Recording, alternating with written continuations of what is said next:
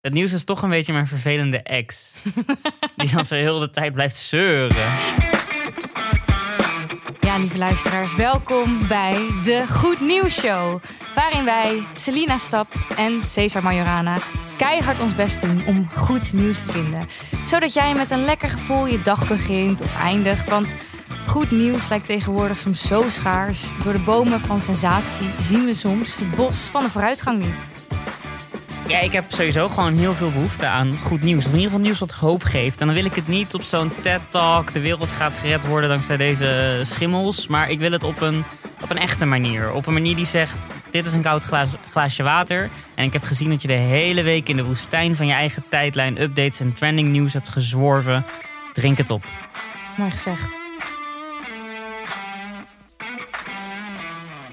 Maar Zee, zou je maar kunnen uitleggen waarom je het zo belangrijk vindt om het nieuws te volgen? Weet je dat ik dat eigenlijk gewoon niet zo heel goed weet? Want ik volg het nieuws omdat ik ooit op school leerde dat dat belangrijk was. En ik weet nog dat het huiswerk op een gegeven moment ook was van... ga elke dag de krant lezen deze week en schrijf dan één ding op wat je hebt geleerd. En ik ben eigenlijk sindsdien nooit meer gestopt. Alleen op een gegeven moment werd het zoveel kranten lezen dat ik langzaam gek werd. En ik denk dat ik nooit echt een goede relatie daardoor met nieuws meer heb gekregen. Hmm. Geen, geen goede relatie met het nieuws. Tot nu. Tot nu, hopelijk. Hopelijk, ja. Ja, nee, als ik zelf naar mezelf kijk, dan, dan kijk ik vooral veel nieuws voor mijn werk. Omdat ik uh, programma's ontwikkeld voor voornamelijk de NPO. En ik wil wel dat die programma's uh, over iets belangrijks gaan, iets maatschappelijks, iets wat nu leeft.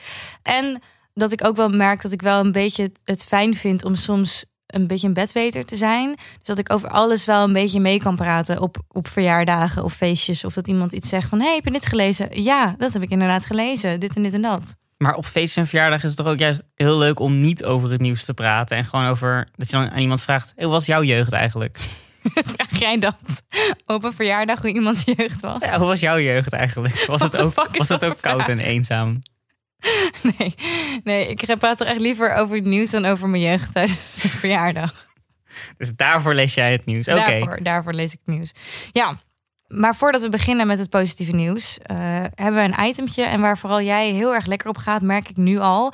Want jij zit met een frustratie. En dat kan jij uiten, Cees. Dat mag jij uiten in dit één minuutje van zeiken.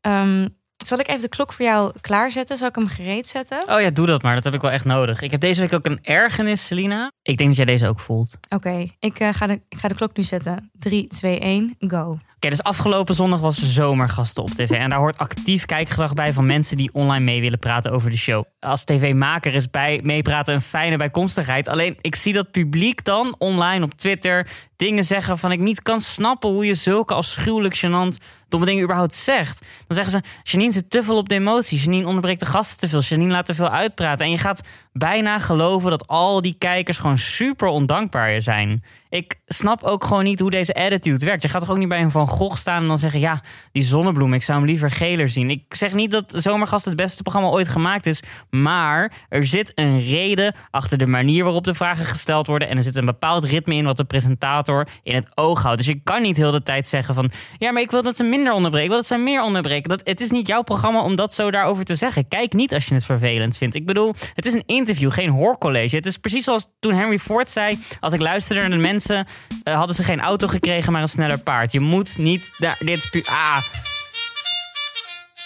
Met die zomergasten kritiek altijd. Het is zo negatief. Ik ben, ik ben, ik ben een negatief mens. Hè. Begrijp me niet verkeerd. Dat maar is zeker waar. Mensen veranderen in energielezers als ze het over zomergasten hebben. Ze worden echt allemaal Cher of Derek Ogilvie. En dan zeggen ze, ja, ik zie niet dat er een klik is. En dan denk ik van, kijk gewoon het programma, hou je bek. Ja, ik ben het wel met je eens. Je hebt het goed verwoord. Maar dan nu. Maar dan het nu. nieuws wat het niet heeft gehaald. Het nieuws dat het niet heeft gehaald, wat wel positief is, maar net niet positief genoeg om uitgebreid met elkaar te bespreken. En het eerste wat mij is opgevallen was uh, het nieuws over Mackenzie Scott. De ex-vrouw van Jeff Bezos, oftewel de rijkste man ter wereld, oftewel de eigenaar van Amazon. En zij schenkte, of schonk, schenkte is natuurlijk niet goed, schonk maar liefst 1,7 miljard euro de afgelopen tijd aan het goede doel. Nou, dan is dat natuurlijk iets uh, heel positiefs. Dat is heel sympathiek van haar dat ze dat doet. Um, maar ja, het is natuurlijk al vrij bizar en discutabel dat iemand überhaupt 1,7 miljard euro heeft, of naar dollar in dit geval, uh, om zomaar uit te geven aan uh, goede doelen. Dus ik vind het heel sympathiek van haar, maar het feit dat ze überhaupt zoveel geld te besteden heeft, vind ik dan ja, minder goed. Maar wel vet, omdat Jeff Bezos zelf bekend staat omdat hij zo weinig doet voor het goede doel. Er is zelfs een Instagram pagina die heet Has, has Jeff Bezos decided to end poverty yet? En het antwoord is elke dag nee. Terwijl deze man zou met zijn kapitaal technisch gezien, bla bla bla, heeft natuurlijk niet al die middelen liquide meteen. Ze kan niet cash dat afrekenen. Maar hij zou technisch gezien zijn aandelen Amazon kunnen verkopen en wereldhonger eindigen. Gewoon permanent eindigen op een sustainable manier. Dat doet hij niet. En zijn vrouw heeft hem echt wel een hele. Ik bedoel, dit is, dit is wat je doet als je een ex bent van iemand, toch? Dan, dan wrijf je het erin. En zij wrijft het erin. 1,7 miljard aan het goede doel. Ik vind het vet. Ja, toch een klein beetje vet. Dan, veel mensen laten hun racistische en haatdragende tatoeages verwijderen. En dat vooral in Amerika en Canada. Um, bijvoorbeeld tatoeages met white power of swastika's of dat soort uh, gezellige dingen worden verwijderd de laatste tijd. En dat is uh, opmerkelijk, want ze zien echt een grote stijging in tatoeageshops. En ja, ik denk dat het ook gelinkt is aan Black Lives Matter protesten, et cetera.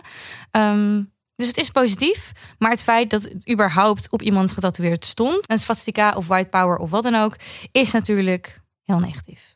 Ja, ik lees dat uh, tattoo artist en laser removal specialist, dus de mensen die de tatoeages ook echt weghalen, dat die dit vooral zeggen. Die zeggen dat ze gewoon heel veel aanvragen hebben gekregen van mensen die dus door blijkbaar mondiale bewegingen opeens dachten: hé, hey, wacht, ik heb nog iets op mijn been staan.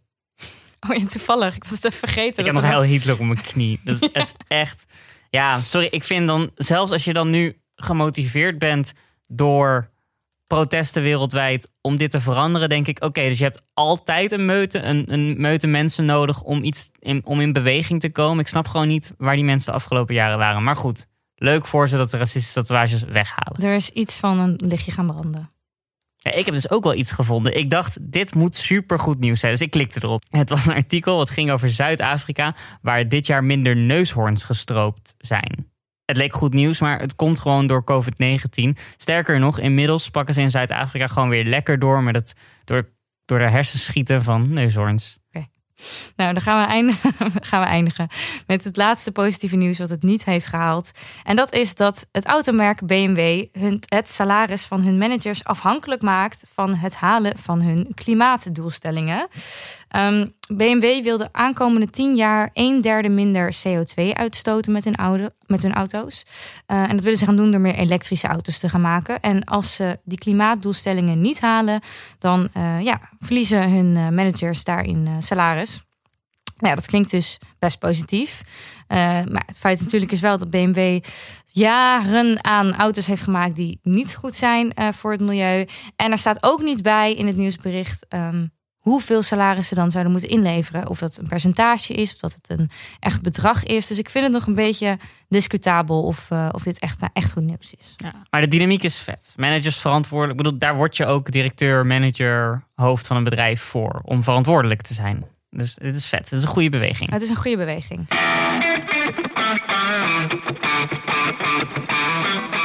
Zal ik beginnen? Ik begin. Selina, lach jij maar rot. Ik begin. Ik heb namelijk echt goed nieuws gevonden. En het gaat over Alzheimer's. Ik ben iemand die uh, angsten heeft. Soms dan sta ik mijn tanden te poetsen en dan denk ik opeens... ja, wat nou als ik later dement word? En dan moet iemand voor mij gaan zorgen. En dat lijkt me een hele zware taak om dan uit te... Dat, ja, snap je? ik word daar een beetje verdrietig van. Nu is het zo dat dit hele jaar eigenlijk al in het teken staat van dementie. Want als je kijkt naar onderzoeken die eruit komen, dan is er eigenlijk onderzoek naar onderzoek. waarin we steeds meer erachter komen wat nou eigenlijk dementie is. Het is een van de kwalen die in ons latere leven ons treft, waar we het minste van af weten. We weten niet zo goed wat het nou veroorzaakt. We hebben ongeveer een idee van indicaties, maar ook uh, uh, waarom sommige mensen het nou wel krijgen en niet krijgen, is heel lastig te zeggen. En nu is er voor het eerst in de geschiedenis van de wereld een heel groot onderzoek geweest aan de Harvard University, waarin ze erachter zijn gekomen dat uh, de laatste jaren in ieder geval dementie veel minder voorkomt. Sterker nog, een voorbeeld wat ze gaven in de paper was dat in 1995 een 75-jarige man 25% kans had op het ontwikkelen van dementie. En nu, is dat inmiddels 18%. Die man heeft vandaag 18% kans. Dat is echt een heel groot verschil. Dat kan precies jouw opa of oma zijn, of jij zelf. En ik was daar, ja, ik werd daar meteen vrolijk van. het onderzoek is gigantisch. Het heeft ongeveer 49.000 individuen gevolgd. En dat ging allemaal om mensen boven de leeftijd van 65. Die zijn 15 jaar lang gevolgd op verschillende manieren. Zijn geïnterviewd. Ze hebben genetische data daarvan. Ze hebben hersenscans uitgevoerd. Ze hebben heel veel informatie over die mensen hun dieet en hoe ze leven. En ze hebben daardoor ook nog een lijst kunnen maken van een aantal omstandigheden die in ieder geval aanleiding lijken te zijn voor dit lagere cijfer van dementie wat we nu zien. En nu vraag je natuurlijk af, wat kan ik doen, wil ik niet dement worden? Dat was zeker wat ik me afvroeg. Ja, nu, nou, nu is het zo, onderzoek werkt niet zo dat je dan kan zeggen, als je dit en dit doet, dan kom je nooit, dan word je nooit dement. Maar er zijn een aantal factoren waarvan we zeggen, die geven een indicatie dat als dat in orde is, dan zal het met die dementie ook wel goed zitten. En dat is onder andere je gezondheid wat betreft voeding. Als je gezond, gevarieerd eet, uh, een groot deel daarvan lijkt echt te maken te hebben met roken. Dus als je rookt, heb je meer kans op dementie? Ja. Hm. Als ze dat nou in het rookhok ophangen, zou je dan minder roken? Ik rook niet. Dus dat heeft dan sowieso geen zin. Maar ik denk wel dat als je dit zou zetten op het pakje in plaats van zo'n zo'n vieze long of een. Ik zag laatst een pakje met een man die in een soort van foetushouding lag op bed, waarvan ik dacht: wat, wat betekent dit als je zou zeggen: je hebt zoveel minder kans op dementie dat dat meer aanslaat dan een, dan een fotootje van een vieze long? Ja, inderdaad. Uh, iets anders wat ook helpt, maar dit is niet leuk voor de mensen die eraan participeren om te horen, is onderwijs. Als je mij op de middelbare school had gezegd, dan doe je best, dan krijg je later geen dementie, had ik waarschijnlijk niet echt harder mijn best gaan op school. Maar het is dus wel echt zo dat omdat onderwijs ervoor zorgt dat je reserves bouwt van neurologische connecties, dat als je dan later een afbreuk krijgt aan die reserves en als je neurologische verbindingen steeds minder en minder en minder worden, dat er dan alsnog best wel wat over kan blijven. Dus het helpt om gewoon altijd met je neus tussen de boeken te zitten. Hmm. En vooral die neurologische connecties dus. Ja, en nu zijn er wel ook heel veel theorieën over nog uh, gehoorverlies en tinnitus. Het schijnt dat die mensen nog meer last van dementie krijgen. Alleen daar is meer onderzoek voor nodig. Oeh, dat vind ik wel een soort van zorgwekkend. Want ik ken best wel veel mensen die tinnitus in een soort van lichte vorm hebben. Dat is nog zo'n angst die ik heb, dat ik op een gegeven moment tinnitus krijg. Ja, dat nu altijd oordopjes mee. Ja, hè? Ja. Nu, wat ook dus wel zo is, is dat uh, uh, dat las ik dan in een ander interview met. Het is een hele grote groep onderzoekers. En een van die onderzoekers zei in een interview dat wanneer iemand minder hoort, dus wanneer je bijvoorbeeld tinnitus hebt of je hoort piep en de suis, dan hebben ze ook minder sociaal contact. Ze raken iets meer afgezonderd. En het hebben van veel sociale contact is ook een van de dingen die ze aanwijzen als positieve factor bij het vermijden van dementie. Dus het kan zo zijn dat omdat je slechter hoort, je minder graag met mensen gaat praten, want je hoort ze toch niet. Dat je dan daardoor iets meer in isolement raakt. En dat dat isolement hetgene is wat je een grotere kans op dementie geeft. En heeft het dan ook weer te maken met die neurologische connecties die je dan maakt als je veel, veel contacten hebt met andere mensen? Oh, dat weet ik helemaal niet zo goed. Ik denk dat. Ik heb dus de hele paper gelezen en hij is open. Hij is, hij is, hoe noem je dat? Public access. Het is een public access paper. Dus je kan hem online lezen. De titel ervan is. En hij staat op neurology.org. Volgens mij de meest betrouwbare bron voor neurologisch nieuws. um, Ik zal even de titel erbij pakken. De titel van de studie is 27-Year Time Trends in Dementia Incidents in Europe and the United States. Nou, dat is meteen iets voor ons om allemaal even in te duiken. Maar uiteindelijk de conclusie is dus... er zijn steeds minder mensen met dementie. Of in ieder geval, ze krijgen het later. Het gebeurt nu steeds later. En we hebben iets beter een idee van hoe het eigenlijk komt... dat minder mensen het krijgen. Terwijl ik dus zelf het idee heb dat dat dementie juist een steeds groter probleem wordt. Maar dat komt dan denk ik dus eerder door de vergrijzing dan doordat meer mensen het. Zeg maar, er zijn überhaupt meer oudere mensen. Het is heel dus grappig. Je zegt hier iets heel essentieels. Want dit is dus stiekem ook. Ik vond het moeilijk om hierover te beginnen. Maar het is dus wel aan de hand dat er meer mensen op aarde zijn dan ooit met dementie. Alleen procentueel is dat een kleinere groep.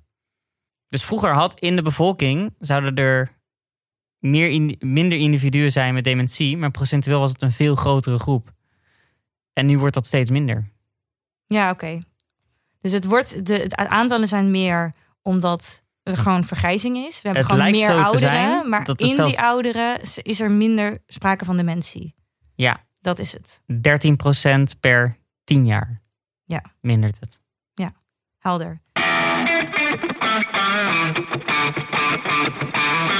Dan, Cesar, kom ik met mijn uh, goed nieuws. En ik begin even met de kop. Aanspreken van vrouwen bij abortuskliniek mag verboden worden. En dan zet ik even iets eronder. Tegenstanders van abortus hebben niet het recht om vrouwen die een abortuskliniek willen bezoeken aan te spreken om ze op andere gedachten te brengen. Het aanspreken is een wanordelijkheid en gemeenten mogen hier tegen optreden, oordeelt de rechtbank in Haarlem. Nou, en ik las dit en ik vond dit zo'n goed nieuws. En voor de mensen die niet even weten waar dit nou precies over gaat. Um, abortusklinieken worden de laatste jaren eigenlijk steeds meer um, ja, belaagd eigenlijk met uh, groepen mensen die, uh, die ze noemen zichzelf pro-life zijn. Um, en die eigenlijk anti-abortus zijn. En wat zij doen is dat zij vrouwen die die uh, abortuskliniek binnen willen lopen eigenlijk aanspreken dat zij ja, dat niet hoeven te doen. En dat zij ook een andere keuze kunnen maken. Nou, dat klinkt op zich best uh, prima. Het aanspreken om uh, mensen op een andere gedachte te brengen. Maar het is niet zomaar aanspreken. Het is echt lastigvallen. En dat heeft de rechtbank nu ook dus geoordeeld. Ja, zelfs als het niet aanspreken is. Ik zie nu een foto bij dit nieuwsbericht ja. van een groep oudere vrouwen. Ik ga niet zeggen hoe ze, nou, ik ga wel iets beledigend zeggen over hoe deze vrouwen eruit zien. Dit zien er allemaal uit als vrouwen die graag met de manager willen spreken als ze niet blij zijn. De Karens. Dit zijn de Karens van Nederland. Ja. En, um, oh nee, erger nog, het is een Duitse organisatie, lees ik nu. Donum. Ja, ik zal even uitleggen wat er is gebeurd. Een um, abortuskliniek in Heemstede. Um, die, uh, daar wilde een Duitse organisatie, uh, een, een, christelijke organisatie die Donum Domini heet, wilde daar voor protesteren. En die willen eigenlijk eisen dat zij letterlijk op de stoep precies voor de ingang mogen staan om die vrouwen aan te spreken. Dat mocht niet van de gemeente. Toen zijn ze naar de rechter gestapt om dat toch te eisen. En nu heeft de rechter gezegd: Nou, jullie mogen überhaupt geen vrouwen aanspreken die de abortuskliniek in willen. Waarom? Er staat in het uh, stuk. Um, als demonstranten zwangere vrouwen aanspreken, hindert het volgens de rechters de bezoeksters onevenredig in hun vrijheid, in het bijzonder in het ongestoord gebruik maken van hun rechten uit de wet afbreking zwangerschap. En eigenlijk wat het verschil is, is dat uh, het is, is niet demonstreren, want we hebben natuurlijk in Nederland het vrije recht om te demonstreren, maar het is intimideren. Uh, en dat mag niet. Dus daarom is het nu in dit geval uh, mogen die, uh, mag die groep daar niet staan om daar te protesteren. En het is eigenlijk de eerste keer in Nederland dat dit op die manier zo is uitgesproken. Dat ze dus op die manier uh, vrouwen niet mogen lastigvallen. Dus dit is een kans ook voor andere gemeenten om die regels strenger te maken. Want de afgelopen jaren is het echt alleen maar erger geworden. En heeft uh, feministische groep De Bovengronds ook uh, de abortusbuddy in het leven geroepen. Nou, toen ik dat las, toen brak echt mijn klomp. Er zijn dus um, vrouwen die zo worden belaagd dat zij uh, een abortusbuddy nodig hebben. Dus iemand die met hun meeloopt naar de kliniek. Wat geweldig is het trouwens dat dat bestaat wat, in Nederland. Het is, nou, het is geweldig dat het, dat het er is voor die vrouwen die het nodig hebben. Maar dat het nodig is, is natuurlijk echt achterlijk, vind ik zelf. Um, ik ben zelf vrouw, ik ben zelf hoe het is om uh, soms de angst abortus te hebben dat je. Nee, niet om abortus te plegen, maar om de angst te hebben van misschien ben ik nu onvrijwillig zwanger. Weet je wel? Je, natuurlijk, je bent aan anticonceptie. Wat trouwens mega kut is voor een vrouw die aan anticonceptie is. Alle anticonceptie is echt kut. En ik kan het weten, ik heb verschillende geprobeerd. Maar het gevoel dat je, dat je zwanger kan zijn zonder dat je daar aan toe bent, dat is echt zo moeilijk en dat is zo eng. En gelukkig heb ik dat op die manier nooit zo'n keuze hoeven maken. Maar ik vind dat vrouwen die dat wel doen, uh, beschermd moeten worden. En wat ik ook gewoon vind, is dat dat soort mensen, dus die Karens die jij naar noemt, die daar staan met hun pro-life. Ze zijn niet pro-life, ze zijn pro-vrouwen geen zeggenschap laten geven over hun eigen lichaam en daarmee de emancipatie terugdraaien. Daar ben je pro voor, maar je bent niet pro-life. Want als je echt pro-life bent, help dan die kinderen uh, die geen stabiele en veilige omgeving hebben gekregen van hun, uh, hun moeder of hun ouders en die dus nu in een jeugdinstelling zitten. Of word dan pleegouder om, uh, om kinderen die, die geen veilige omgeving hebben kunnen ontvangen van hun ouders, om die dan te helpen. Als je dan zo pro-life bent, doe dat in plaats van vrouwen belagen. Ja, ik. gewoon überhaupt in een goede samenleving val je de ander niet lastig. En ik, ik vind het moeilijk, want het, ik voel wel ergens dat deze, ook deze mensen hebben het recht van demonstratie. Ik vind demonstratie een super belangrijk recht. Maar ja, foto's van geaborteerde voeten ze laten zien aan vrouwen die dan iets gaan laten waar ze heel goed over na moeten denken in Nederland. Want je kan dat niet binnen een uur geregeld hebben. Dat is heel zwaar hoor. Dat gaat heel ver. Ja, Blij dat dat niet meer kan. Ja, en het is dus, dat is het dus echt het verschil. Het is niet demonstreren, maar het is intimideren. Ja. Dus ja, ik vind het dus heel goed nieuws. En ik hoop eigenlijk dat. Uh, maar het is uh, wel positief nieuws dat we een beetje ongelukkig stemt dat het überhaupt allemaal dat dit debat en deze manier van mensen intimideren. Het is zo vervelend. Ja, maar het is, er wordt dus nu wat meer pa paal en perk aangesteld dat het niet meer op die manier kan. En dat vind ik heel positief. En ik hoop ook dat andere gemeentes daarin ook uh, een voorbeeld nu aannemen en dit ook strenger in gaan voeren. Perfect.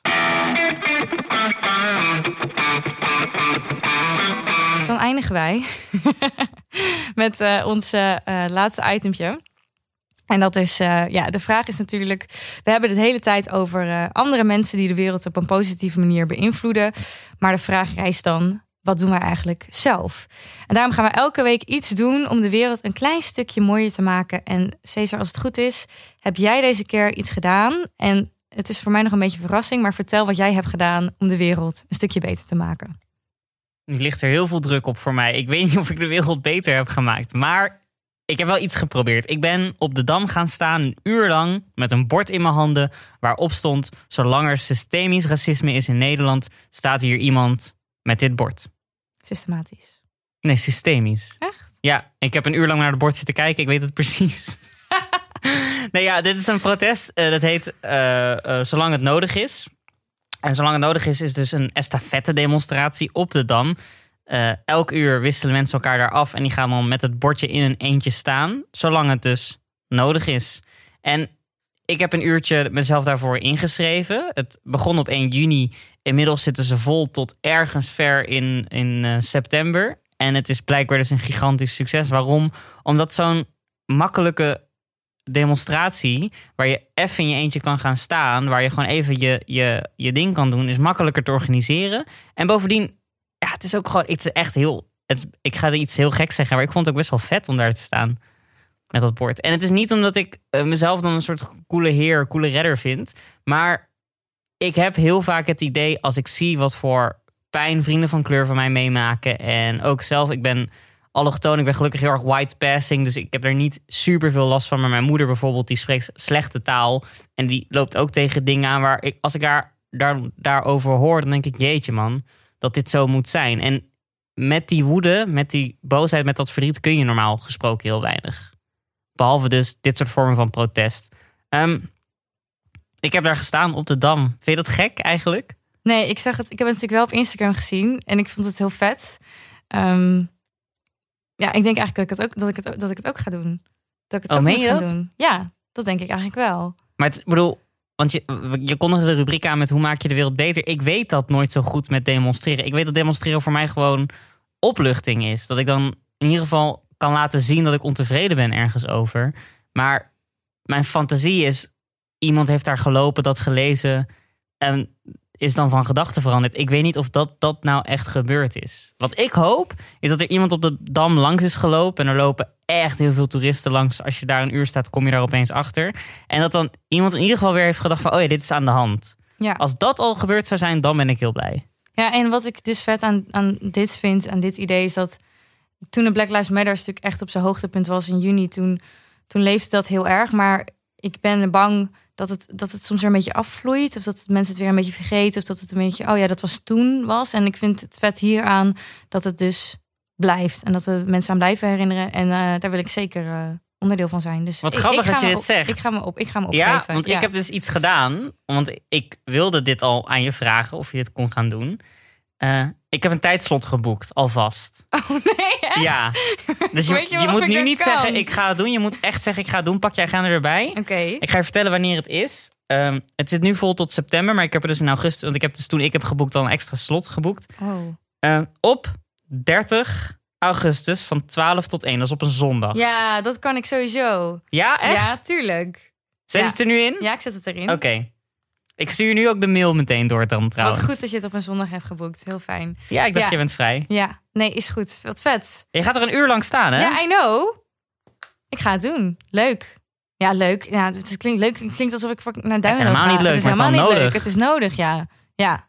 Nee, ik vind het goed. En ik vind het eh, tof dat ik hier eh, deel van uit Oké, dat had ik niet verwacht, maar blij ben ik. Ja.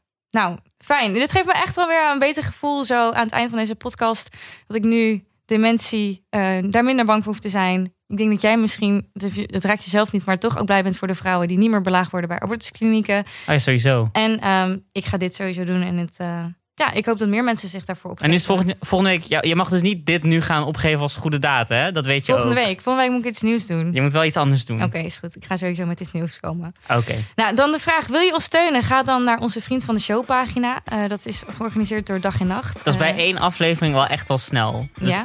Als je ons nog niet wil steunen, vinden we dat ook goed. Wacht dan tot aflevering 2. Maar, maar denk er alvast over na. Ik moest het wel alvast zeggen. Oh, werkt dat zo? ja, dat werkt zo. Wij zitten hier dus in de dag en nacht podcast studio. Echt als twee kinderen met allemaal grote plaatjes van... met nerds om tafel. Of de podcast over media. Die is echt heel leuk trouwens. Ga dat Ja. luisteren als je straks niks te doen hebt. Ja. Ehm, maar En- goed, ja, dus wij zitten hier en we moeten nu alle podcast dingen doen die echte podcasters ook doen. Ja, dus waaronder Vriend van de Show. Ik moest het er gewoon ingooien. Je deed het goed hoor. Oké, en, en dan eindig ik nog met: ehm, heb je zelf goed nieuws voor ons gevonden? Of heb je een goed idee voor ons item, maar wat doe jij dan? Of wil je gewoon ons een, ja, een lieve, lieve brief sturen? Dat kan via ons mailadres degoednieuwsshow.gmail.com. Of eh, je kan gewoon in onze DM sliden op Insta, eh Selina Stab of Cesar Forever. Nee, onze echte DM van de pagina, die moet je nu noemen. Oké, ik ga nu de echte DM van de pagina noemen: De Goed Nieuws Show. de Goed Nieuws Show op Instagram. Maar als je dat gaat volgen, dat is wel echt heel leuk. Als je dat volgt, dan delen we daar ook goed nieuws. Ja, Gratis. dus het is en gratis. Dankjewel. Ja, dat is einde.